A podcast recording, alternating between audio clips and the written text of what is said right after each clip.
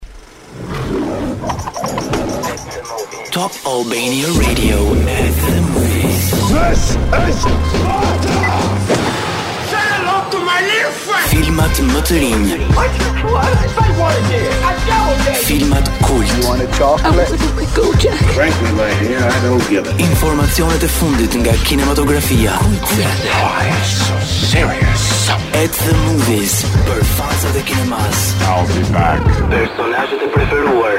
Filmat që bën historinë. My mama always said life was like a box of chocolates. Top Albania Radio at the movies.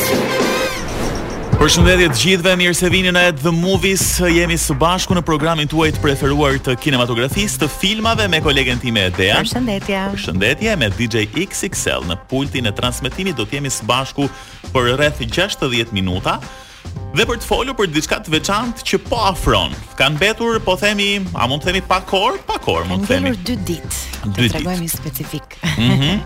për ceremoninë e madhe të ndarjes së çmimeve Oscars 2023, një ceremoni e cila do të vijë në fakt me shumë të veçanta, Më në fund e kemi një ceremoni normale pas disave paksa të çuditshme për shkak edhe të pandemisë Covid-19, kjo do të jetë tërësisht normale, me shumë prurje të reja me filma të bukur. Do ketë një larmishmëri filmash edhe duket sikur përfaqësojnë zhanra të ndryshëm, do ketë interpretime unike, efekte speciale të papërdorura më përpara, edhe unë do thoja dhe performanca jete, kjo gjithmonë është në optikën time.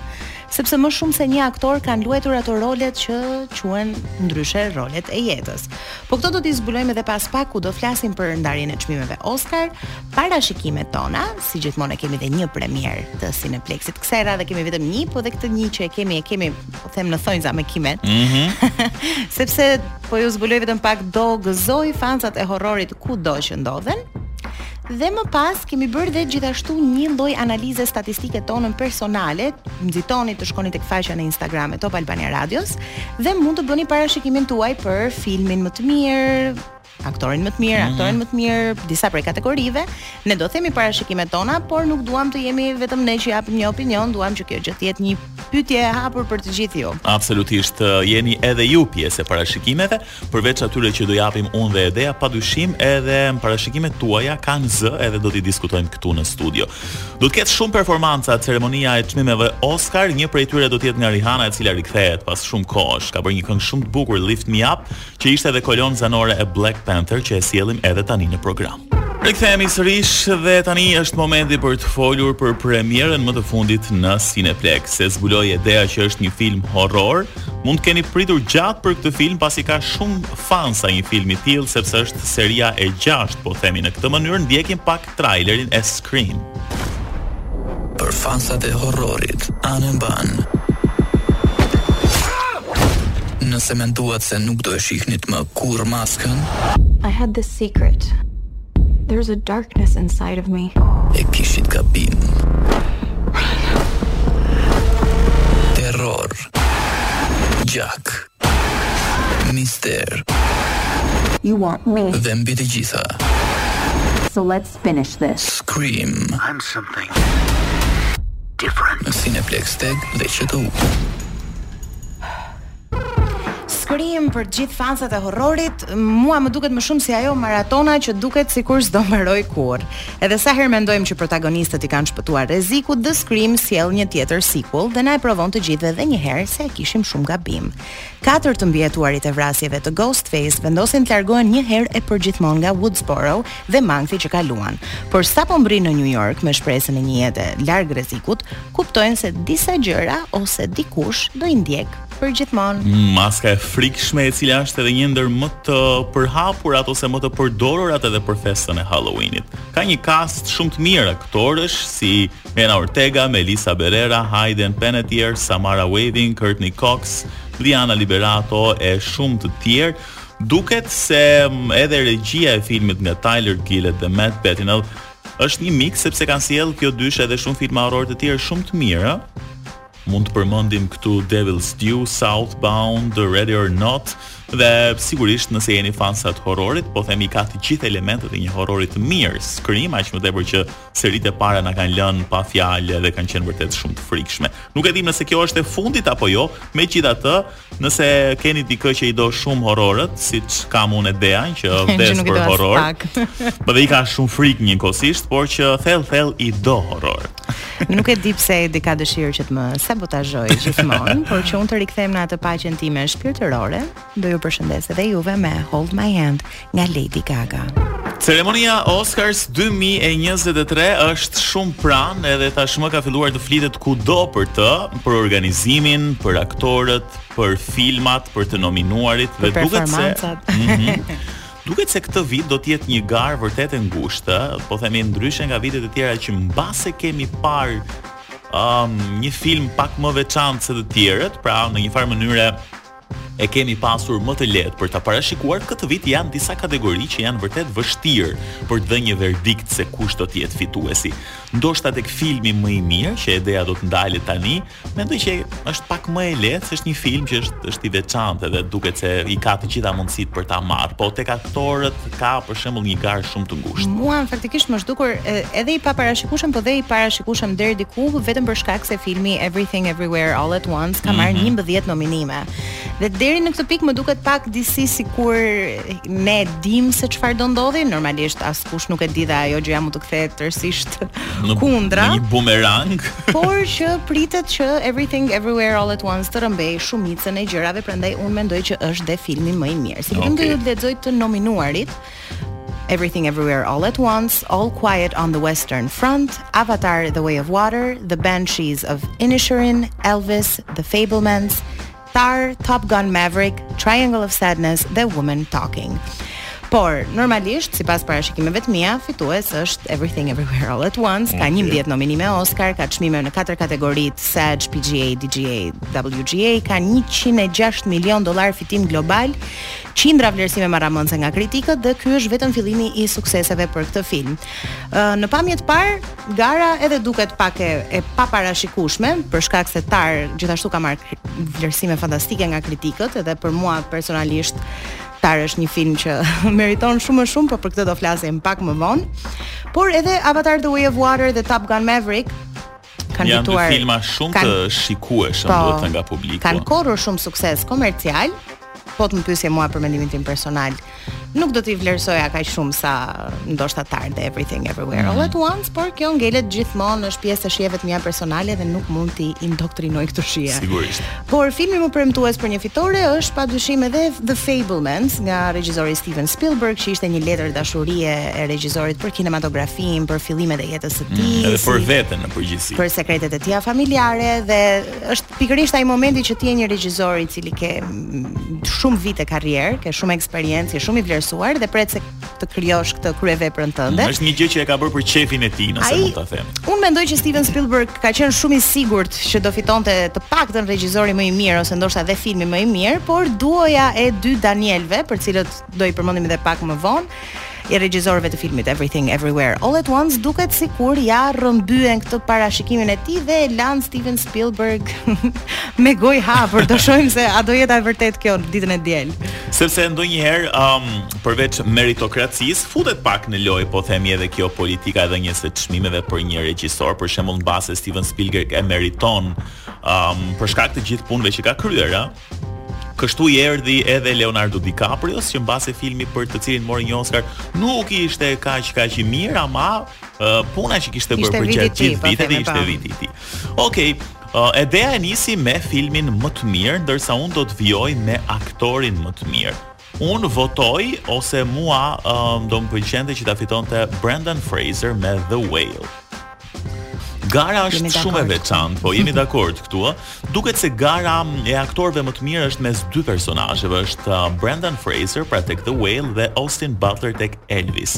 Brendan është padyshim një prej aktorëve më të vlerësuar, ajo çka më bëri përshtypje mua tek The Whale ishte edhe shndërrimi i tij fizik. Mm -hmm. Përveç se shtoi disa kile të vërteta, normalisht edhe me anë të protezave u shndërrua në një obez që peshonte mbi dyqind e pesëdhjetë kilogramë. Dhe duket se te ky film, ëm, regjisori ka dashur që ne të shikojmë të bukurën, jo gjithmonë tek ato konceptet bazike të së bukurës, edhe pse ai ishte një njeri obez që peshonte dyqind e pesëdhjetë kilogramë, ndoshta bukuria qëndronte tek zëri i ëmbël i tij, Tek shpirti, tek dëshira për të ndihmuar, për të bërë mirë edhe për të sakrifikuar veten ndoshta. Është marrëdhënia e një babai me vajzën e tij, me shëndetin, është një film shumë i bukur, dramatik që do qani shumë nëse do e shikoni dhe mendoj që Brendan Fraser ka bërë një mm, perlë me këtë rol edhe vijmë edhe tek gjëja që Brendan është një aktor shumë i mirë i cili uh, megjithëse pati një pauzë Edhe u fut në një blacklist, pra në një listë të zezë për disa vite, ama e kemi parë tek filma si Mumia e shumë filma të tjerë që ka shkëlqyer dhe është një aktor shumë i dashur, kështu që mendoj që edhe e meriton një Oscar. Nga ana tjetër Austin Butler ka bërë një Elvis të jashtëzakonshëm, është një aktor i cili a, po përjeton momentet më të mira të karrierës së tij, është në kulmin e karrierës së tij. Po po shikoja ca shkrime uh, të gazetave amerikane, Dhe shumica thonin që Elvis në vetvete nuk është dhe një film aq aq i mirë. Po portretizimi që Austin Butler i ka bërë Elvisit është i jashtëzakonshëm. Kështu që gara është e fortë, por unë shkoj për Brendan Fraser. Okej. Mendoj që Brendan Fraser ka luajtur atë rolin e jetës së tij. Por nuk do thoja vetëm Brendan Fraser është aktori i cili ka luajtur rolin e jetës, do përmendja këtu dhe Cate Blanchett, e cila mm. është e nominuar për aktoren më të mirë. Është një parashikim do thoja influencuar nga bindjet dhe preferencat e mia personale, ama besoj që nuk jam e vetmja që mendon se Cate Blanchett është lindur për të luajtur Lydia Tár. Gara shumë e, e afërt midis Cate Blanchett edhe Yeoh që është Michelle Yeoh që është aktorja e Everything Everywhere All at Once, por unë mendoj që fituese domosdoshmërisht do jetë Cate, Cate Blanchett dhe është një nga ato performancat ku ti thua që nuk arrij më ta disocionoj, pra ta ndaj uh, Cate Blanchett nga Lydia Tár, dhe nuk jam e vetmja që e bën këtë analogji sepse dhe vetë regjisori i filmit e ka shkruar këtë rol enkas për Cate Blanchett. Dhe ka thënë në qoftë se ajo nuk pranon ta luajë këtë film, unë nuk do ta bëj filmin fare. Më duket se kjo është shumë e rëndësishme për një aktore, është një peshë e madhe që uh, një regjisor të thotë që medoemos duhet ta bëj këtë gjë. Të duket si një nga ato ofertat që ti nuk mund ta ta refuzosh. Mm, I, I will make you an offer that you can't refuse.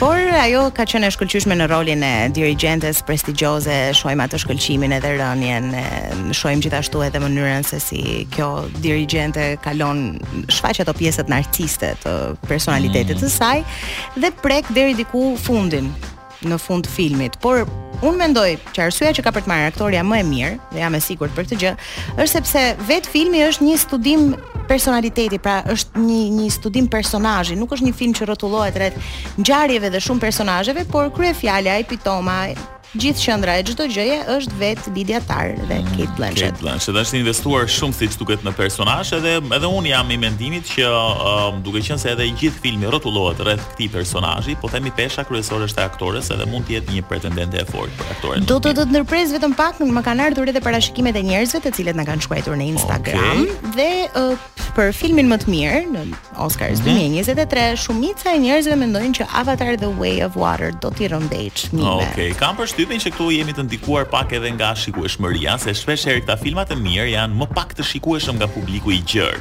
Megjithatë, nuk mund të themi se kjo gjë nuk ndodh. Nuk e di. Unë mendoj kategori tjetër? Kategori tjetër e aktorit më të mirë mendohet që Brendan Fraser do e fitojë dhe shumica e publikut mendon që Brendan Fraser okay. gjithashtu do të jetë një fitues. Kurse shumica e komenteve për aktoren më të mirë shkojnë për Michelle Yeoh. Mm, tek e cila është kokë më kokë me Cate Blanchett po. për momentin për çmimin, por un prap sigurisht personalisht votoj Cate Blanchett, jo, as pak. Mirë, uh, tani jemi tek filmi më i mirë ndërkombëtar, këtë herë ndër herët e rralla që kjo kategori më ka pëlqyer shumë për një film që duket se e ka të sigurt fitoren. Bëhet fjalë për All Quiet on the Western Front apo Asgjë e re nga fronti i Perëndimit, bazuar në romanin klasik të Erich Maria Remarque. Mm -hmm. Një roman shumë i bukur dhe ka ardhur um, për fat të mirë në një film shumë të bukur i cili uh, u publikua në Netflix, një prodhim gjerman dhe me një um, aktor austriak në rolin kryesor Felix Kammerer i cili ka bërë një punë shumë të mirë dhe nuk ka qenë më parë në ndonjë film. Po ashtu regjisori Edward Berger shumicën e punës e ka bërë në televizion. Është një film gjerman dhe është po themi filmi i parë gjerman i cili merr pjesë në këtë kategori në Oscar, pra tek filmi më i mirë ndërkombëtar. Tani kur vjen uh, fjala tek Asgjë e re nga fronti i Perëndimit është padyshim uh, një skenar shumë i bukur. Ndryshe nga romani, këtu ka disa ndryshime të qëllimshme, kështu që mos u surprizoni nëse do të shikoni disa ngjarje të zhvendosura pak në kohë ose të përshpejtuara në kohë.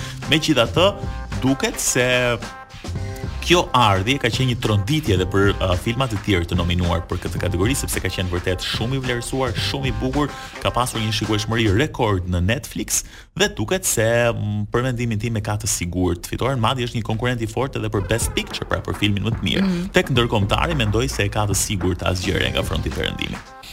Kemi një shkëputje tani, po ikim dhe do të vazhdojmë sërish me parashikimet tona se kemi edhe disa kategori për të parashikuar. Rikthehemi në The Movies me mua Dean dhe Edin, pak më parë po bënim parashikimet tona për çmimet Oscars të këtij viti.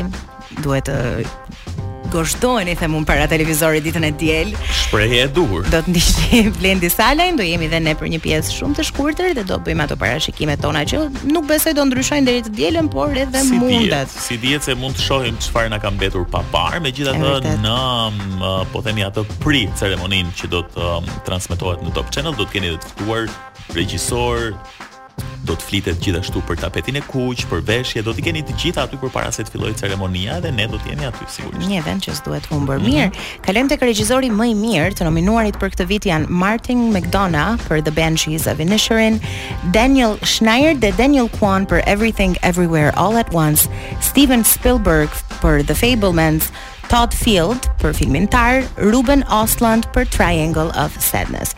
Parashikimi im që unë jam shumë e sigurt, madje jam gati të vë bast, bash një bast këtu. për këtë parashikimin tim jo. është që fitues do jenë dy Danielët, Daniel Kwan dhe Daniel Scheinert. Ë uh, flas për të gjithë kur them se Steven Spielberg nuk e kishte parashikuar suksesin e duos së Danielëve, sepse për për Spielberg në në optikën time The Fabelmans ishte si ai fëmija që dikush bën në moshën 50 vjeçare, është ai fëmija i artë. Po, dhe ai jo vetëm ndau historinë e tij personale, u angazhua dhe me fushatën për herë të parë në gjithë karrierën e tij, por ka disa momente kur Edhe pse mendon se i ke luajtur të gjitha ato kartat në mënyrën e duhur, vjen dikush që nuk ka as gjysmën e eksperiencës, as gjysmën e moshës, dhe ta rrëmben me një herë. Ta merr kalanë nga brenda i thonë kësaj. Por Sipas shijeve të mia personale, The Fabelmans është një film shumë ftues në sensin që shikuesi ndihet pjesë e filmit, edhe ti ndihesh sikur ai Sammy i vogël të ka marrë dorë për dore po të tregon historinë e tij për dashurinë mbi kamerën, mbi filmimin, mbi sekretet e tija familjare. Kurse në momentin që shef Everything Everywhere All at Once dhe jua sugjeroj të gjithëve që ta shikoni, është shumë inovativ në aspektin e shoteve dhe mënyrës se si është i organizuar, është një mix shumë kaotik. Unë kam parë me një mikeshën time dhe është ai momenti që ti shikohesh me njeriun që pe filmin dhe thua çfarë dreqin pam. Dhe kjo është pikërisht ajo ndjesia që të jep the, uh, everything everywhere all at once, sepse nuk ka atë sensin ftues ose atë llojin e e kinematografisë me të cilën neve jemi mësuar që e ndjekim diçka dal nga dal, hap pas hapi shkojmë tek një ka një lloj kurbe zhvillimi. Mm -hmm. uh, everything everywhere all at once është kaotik, fillon zhurmshëm fillon fuqishëm. Fuqishëm dhe mbaron akoma më fuqishëm ti thua nuk ka ku shkon më keq se kaq po shkon drejt po, fundit. Po janë këto elementë që është edhe pretendenti për best picture. Dhe trajton dhe ato temat që janë shumë interesante që është marrëdhënia për shembull nënë bijë, marrëdhënia burr grua ose marrëdhënia se si ne e përthithim informacionin dhe pikërisht për këtë gjë unë mendoj që edhe mënyra se si filmi është i organizuar është tërësisht ndryshe nga filmat që ne mund të kemi parë më përpara sepse gjithçka të jepet shumë shpejt dhe në një sasi të tmerrshme do thosha sepse ti ke, e zëmë, 200 shote të diçkaje dhe duhet t'i rikthehesh filmit disa herë që ta kuptosh se çfarë ke parë dhe çfarë ka ndodhur. Mm, po shkojmë drejt fundit në fakt, kështu që bëjmë edhe një parashikim të fundit për uh, filmin më të mirë të animuar që unë them që është Pinoku i Guillermo del Toro. Është mm -hmm. një gjë krejt e re, e ka sjellë në një mënyrë edhe animimi krejtësisht të veçantë me stop motion. Uh, vetëm një kritikë që dëgjova ishte se ishte pak i rëndë, nuk përmbante shumë shaka, nuk përmbante shumë ato ironitë, nuk përmbante shumë atë sensin e humorit, është pak a shumë i trajtuar në një mënyrë më serioze, megjithatë puna është e shkëlqyer, mund të jetë një konkurrent i fortë me The Puss in Boots, që e kemi mm -hmm. folur edhe këtu uh, si premierë në Cineplex. Megjithatë, mendoj që Pinoku, duke qenë se rikthehet edhe historia e Carlo Collodit e vitit 1930, ëm um, E gjithë historia e Pinokut në vetvete, fabula me gënjeshtën etj etj, mendoj që janë uh, shumë gjëra për të cilat e meriton Oscarin.